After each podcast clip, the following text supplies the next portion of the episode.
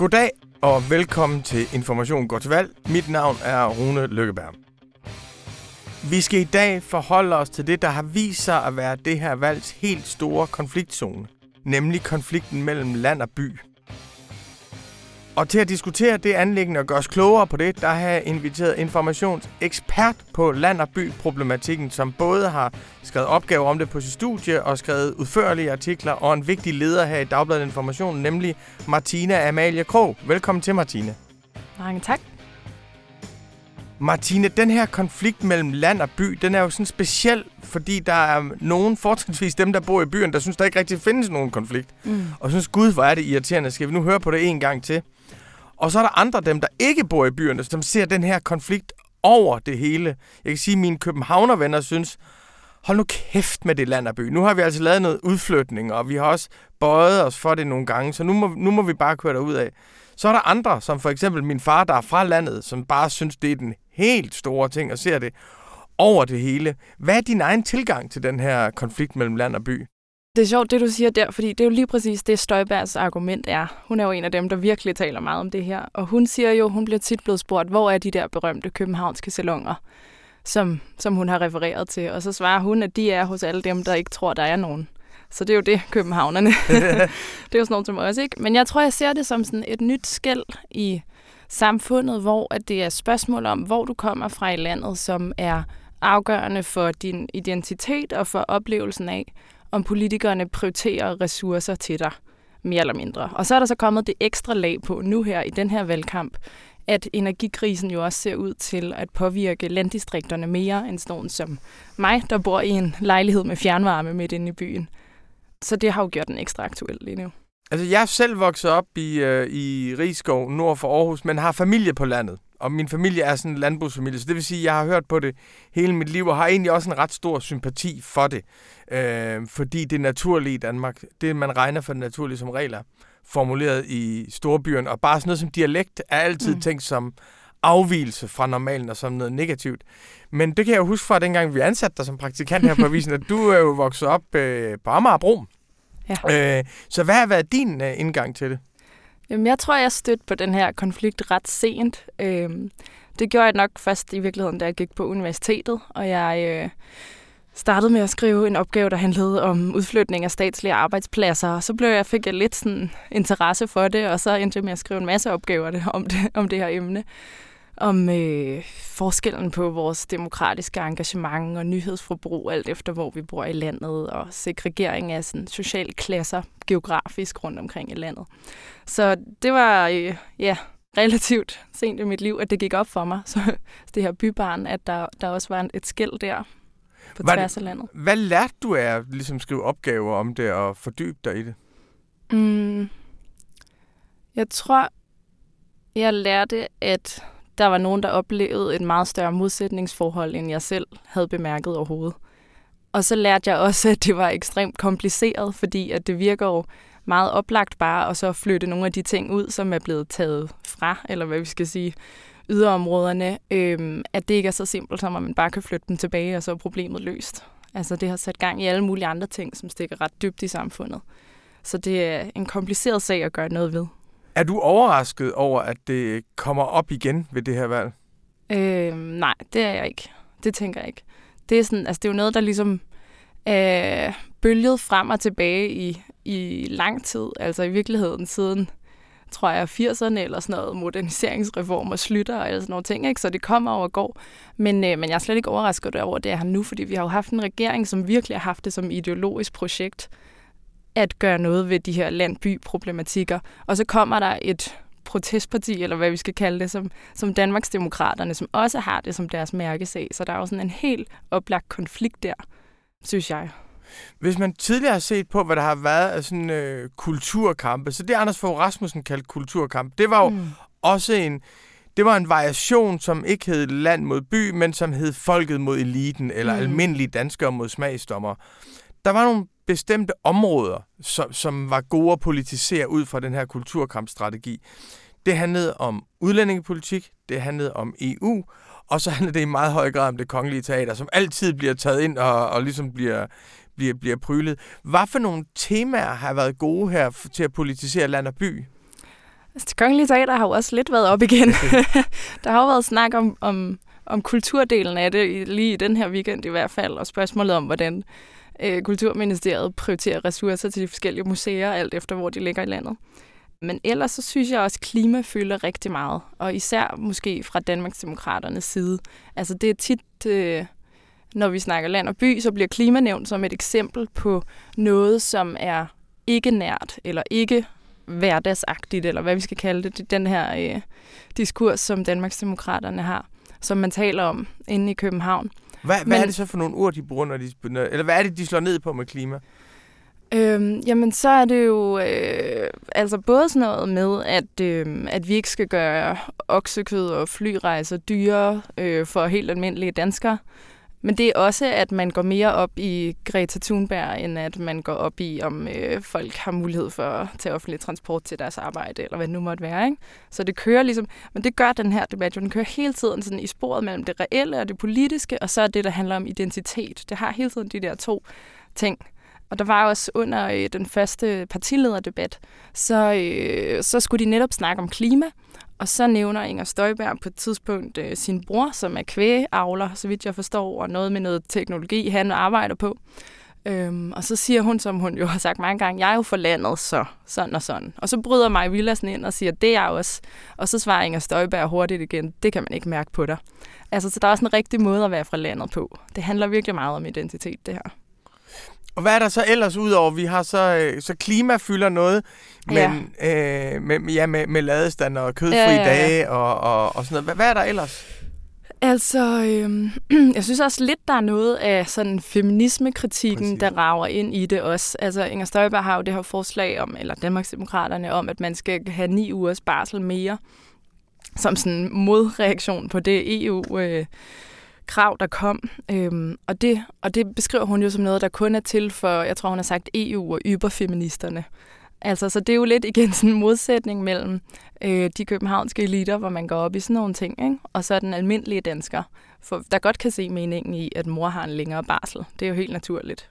Altså, måske nogle lidt mere stereotype kønsopfattelser. Ja, juridisk kønsskifte er også ja, noget, der bliver fremhævet som noget frygteligt. Ja, præcis. At det går man også mere op i, end man går op i, om, om øh, folk ude på landet kan betale deres elregninger.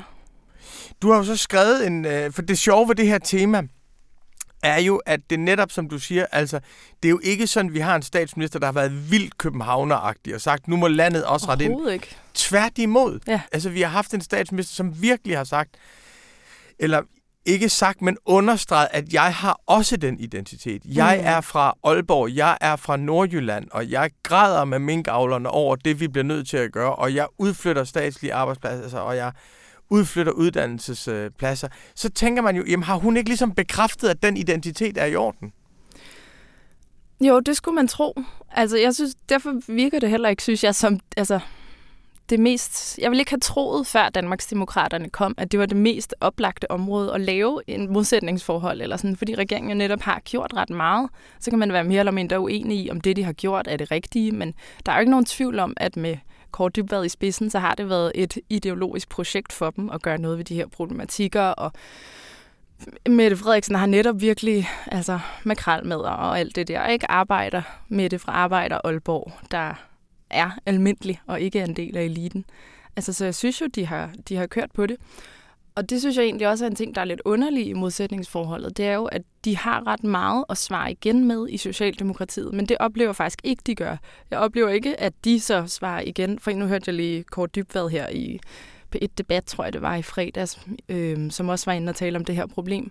Og i stedet for ligesom at ramse alle de ting op, som de har gjort, så kommer Socialdemokratiet meget til at køre sådan et tonen i debatten-agtigt argument, som man jo kender lidt fra udlændingepolitik. Ikke?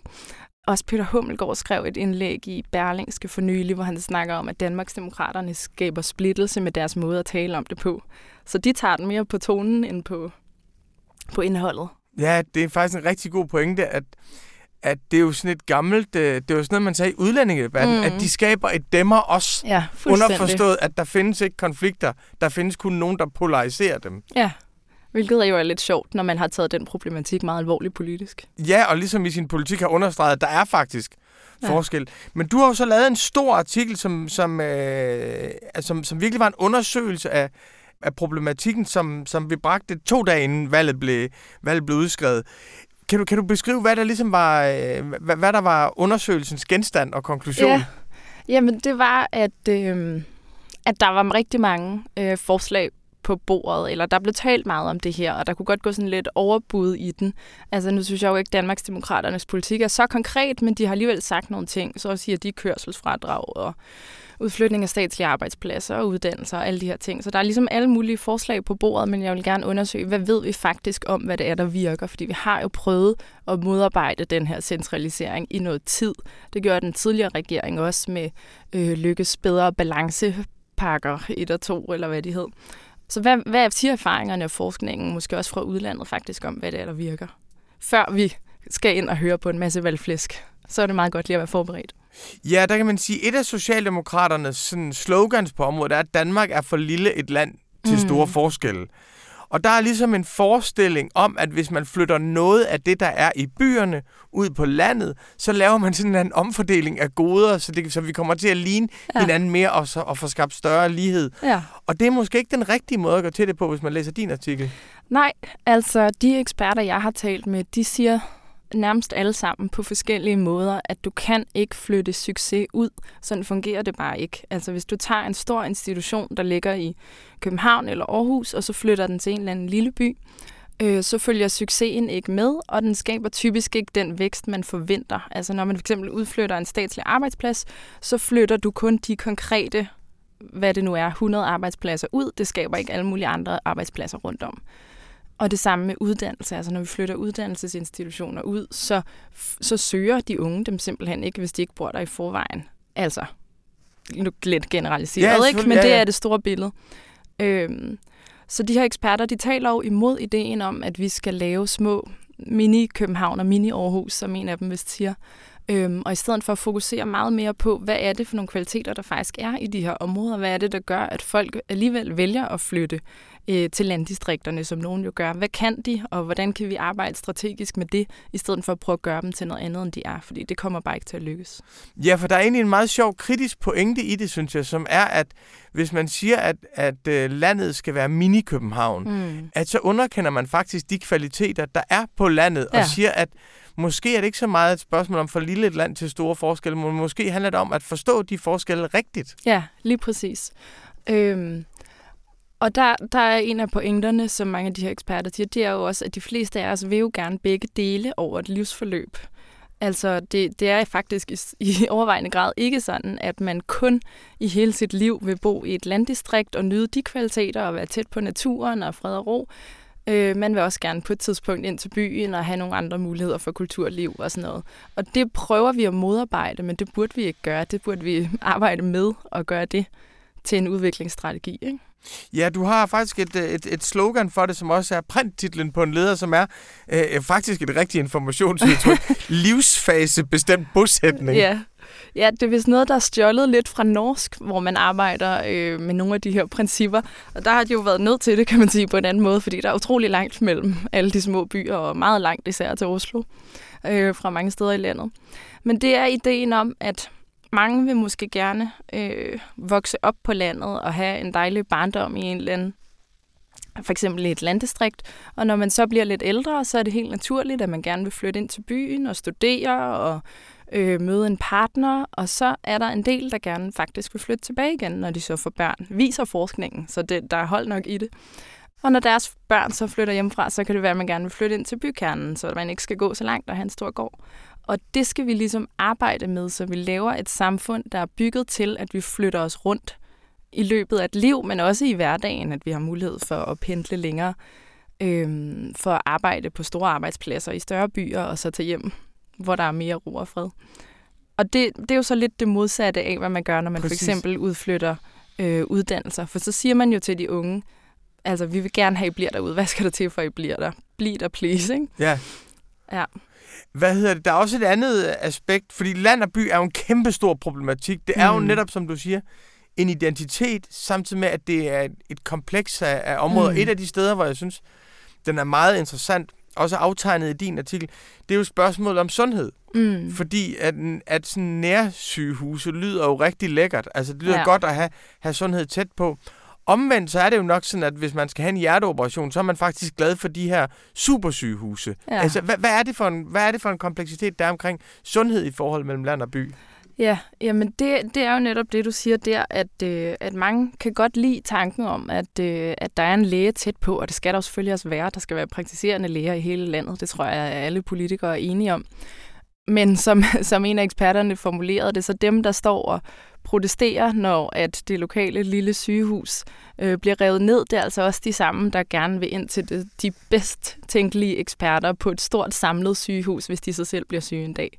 Og det er jo et kæmpe dilemma, fordi vi kan ikke give dem begge ting. Og der er jo også meget, der tyder på, at kvaliteten af en operation bliver bedre, hvis lægen har lavet 800 af dem på et år, eller sådan, ikke? Og det kan man jo ikke have i alle de små byer.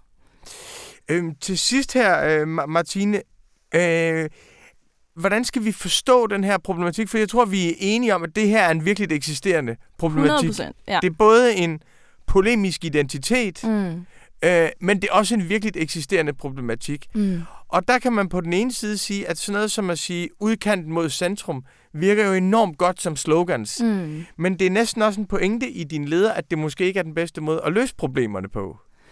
Ja, Altså det, det tænker jeg i hvert fald kan være med til at skabe mere splittelse. Altså jeg tror, det, det er vigtigt, at det her ikke kommer til at, at skabe splittelse, fordi så kommer vi ikke til at løse det særlig hurtigt i hvert fald. Så skal der gå 10 år, hvor vi diskuterer og når frem til en eller anden konsensus. Øhm, selvom mit indtryk egentlig er, at de fleste fra starten af synes, det lyder helt rimeligt og retfærdigt, at der skal være lidt mere udvikling af en positiv art nogle steder i landet. Øhm, jeg tror sådan set, at det er okay at i talsætte det som landby-konflikt, i hvert fald til at starte med, fordi vi er nødt til at forstå, hvad det er, og vi ja. må sætte nogle ord på det, øh, for sådan nogen som mig selv, der ikke helt havde forstået det til at starte med. Øhm, men så skal vi også forstå kompleksitetsgraden i det, og forstå, at det er noget, vi skal arbejde med inden for sådan økonomisk tænkning, og inden for transport og byudvikling, og sygehuse, og alle mulige sådan forskellige politiske områder, som det her jo rager ind i.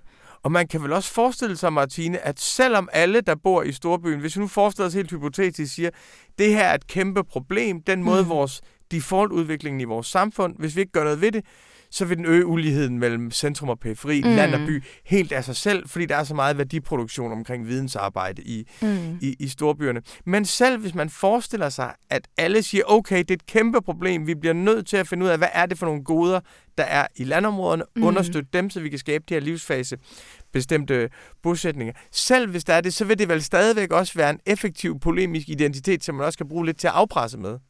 Ja, det kan du sige. Altså, det er jo en svær balancegang, hvornår man bliver polemisk, ikke? Øhm, det tror jeg da, at, at det, som Danmarksdemokraterne også prøver at trække på og bruge det identitetsmæssigt til at, at afpresse noget. Men Martine, du også, vi har jo hver, hver dag i Information går til valg, der har vi jo øh, kigget ned i valgkampens have af sprogblomster. Og der plukker vi en enkelt blomst, som vi tager frem og sidder og dufter lidt til her i studiet. Og du har jo taget en sprogblomst med i dag til os, Martine. Ja, jeg har taget et øh, tweet med. Valgkampen foregår jo på de sociale medier, ved man. Øh, fra Peter Skåb, som jo er, fra Danmarks, er nu medlem af Danmarksdemokraterne. Og han lægger en artikel op fra TV MidtVest, og så skriver han, skandaløst, en slagter får en bøde på 40.000 kroner, fordi hun er kommet til at skrive æg med småt i stedet for stort. Bedre eksempel på københavneri, som vi siger her i provinsen, skal man da lide længe efter. Den slags skal stoppes. Og der kan man jo virkelig sige, at øh, landbykonflikten trækker ind i andre områder.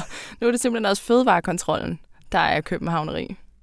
Men det er vel egentlig et meget godt eksempel på det, du siger med, at københavneri kan ligesom være en, en metafor for, at der er nogen, der bestemmer over. Det kan simpelthen bare mm. være sådan en eller anden form for, at der er et ondt byråkrati mm. derinde, som spiller ind i sådan nogle konspirationsteorier om, der sidder nogen, der vil bestemme og regere os i de fjerne eller sådan noget. Er det ikke det? Jo, det tænker jeg. Jeg tænker helt klart, at det er, sådan, det er modsætningen til alt, hvad der sådan er nært og simpelt og sådan lige til at forstå. Det her, det er jo bare frikadeller for helvede, om der så står æg på den ene eller den anden måde.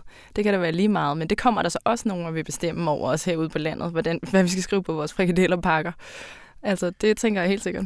Og igen koblingen mellem fødevare, noget, der er helt nært, og mm. så ligesom det store administrative apparat. Fuldstændig. Så kommer det udefra og skal også... Altså, ja, den her stakkels dame, der skal betale 40.000 kroner til fødevarekontrollen. Peter Skåb, han får prisen for dagens sprogblomst, som øh, i sidste uge jo gik til blandt andre Bjarne Korydon og Mette Frederiksen. Så det er jo et, det er jo et fint pantheon, han kommer med i her. Til sidst, uh, Martine, vi bruger jo Survivors uh, vidunderlige sang Eye of the Tiger som, som indgang til information går til valg. Ved du godt, hvilken film den er fra? Den er vel fra Rocky-filmene. Ved du, hvilken Rocky-film den er fra? Jeg vil sige dem alle sammen umiddelbart. Ja, og det er faktisk en af grunden til, at vi har valgt den. Det er, fordi den, er først, den kommer først med i træeren. Fordi folk har sådan et billede af, at det er den, man hører i, i etteren, hvor han løber i øh, gråt træningstøj nede ved dokkerne i, i, i Philadelphia. Men det er det faktisk ikke. Den kom først med i, i Rocky 3. Men folk har en erindring om, at den var med i etteren og toeren, og det er et ret interessant fænomen. Som det er man Mandela-effekten, jo. det er nemlig Mandela-effekten. Øh, og hvad er Mandela-effekten? Jamen det er, når vi kollektivt husker noget, som er forkert. Som for eksempel et tidspunkt, hvor det gik op for mange, at Mandela faktisk ikke var død. Alle gik rundt og troede, at han var død, og det var han slet ikke. Præcis, og den er jo faktisk vigtig at huske på i en valgkamp, fordi jeg synes, der er en lille smule Mandela-effekt over Lars Løkke Rasmussen, der taler om sig selv som sådan den store samlende figur, det der fantastisk samarbejdende menneske. Det var en mand, der var meget dårlig til at samle den blå boks, og vi tænker faktisk, Eye of the Tiger har også sådan et kritisk perspektiv i, lad nu være med at tro på alt det, de vil have dig til at huske. Der findes også falske minder, uanset hvor overbevist man kan være over, hvad det er, man husker. Tusind tak til dig, Martine. Det var altså lidt. Og tak til jer for, at I, at I lyttede med til Information går til valg, som jo kører mandag, tirsdag, onsdag, torsdag, inden vi fredag forlader Eye of the Tiger og giver mikrofonen tilbage til moderskibet Radioinformation med Anna von Sperling. Ha' en rigtig god valgkampsdag. Vi høres ved i morgen.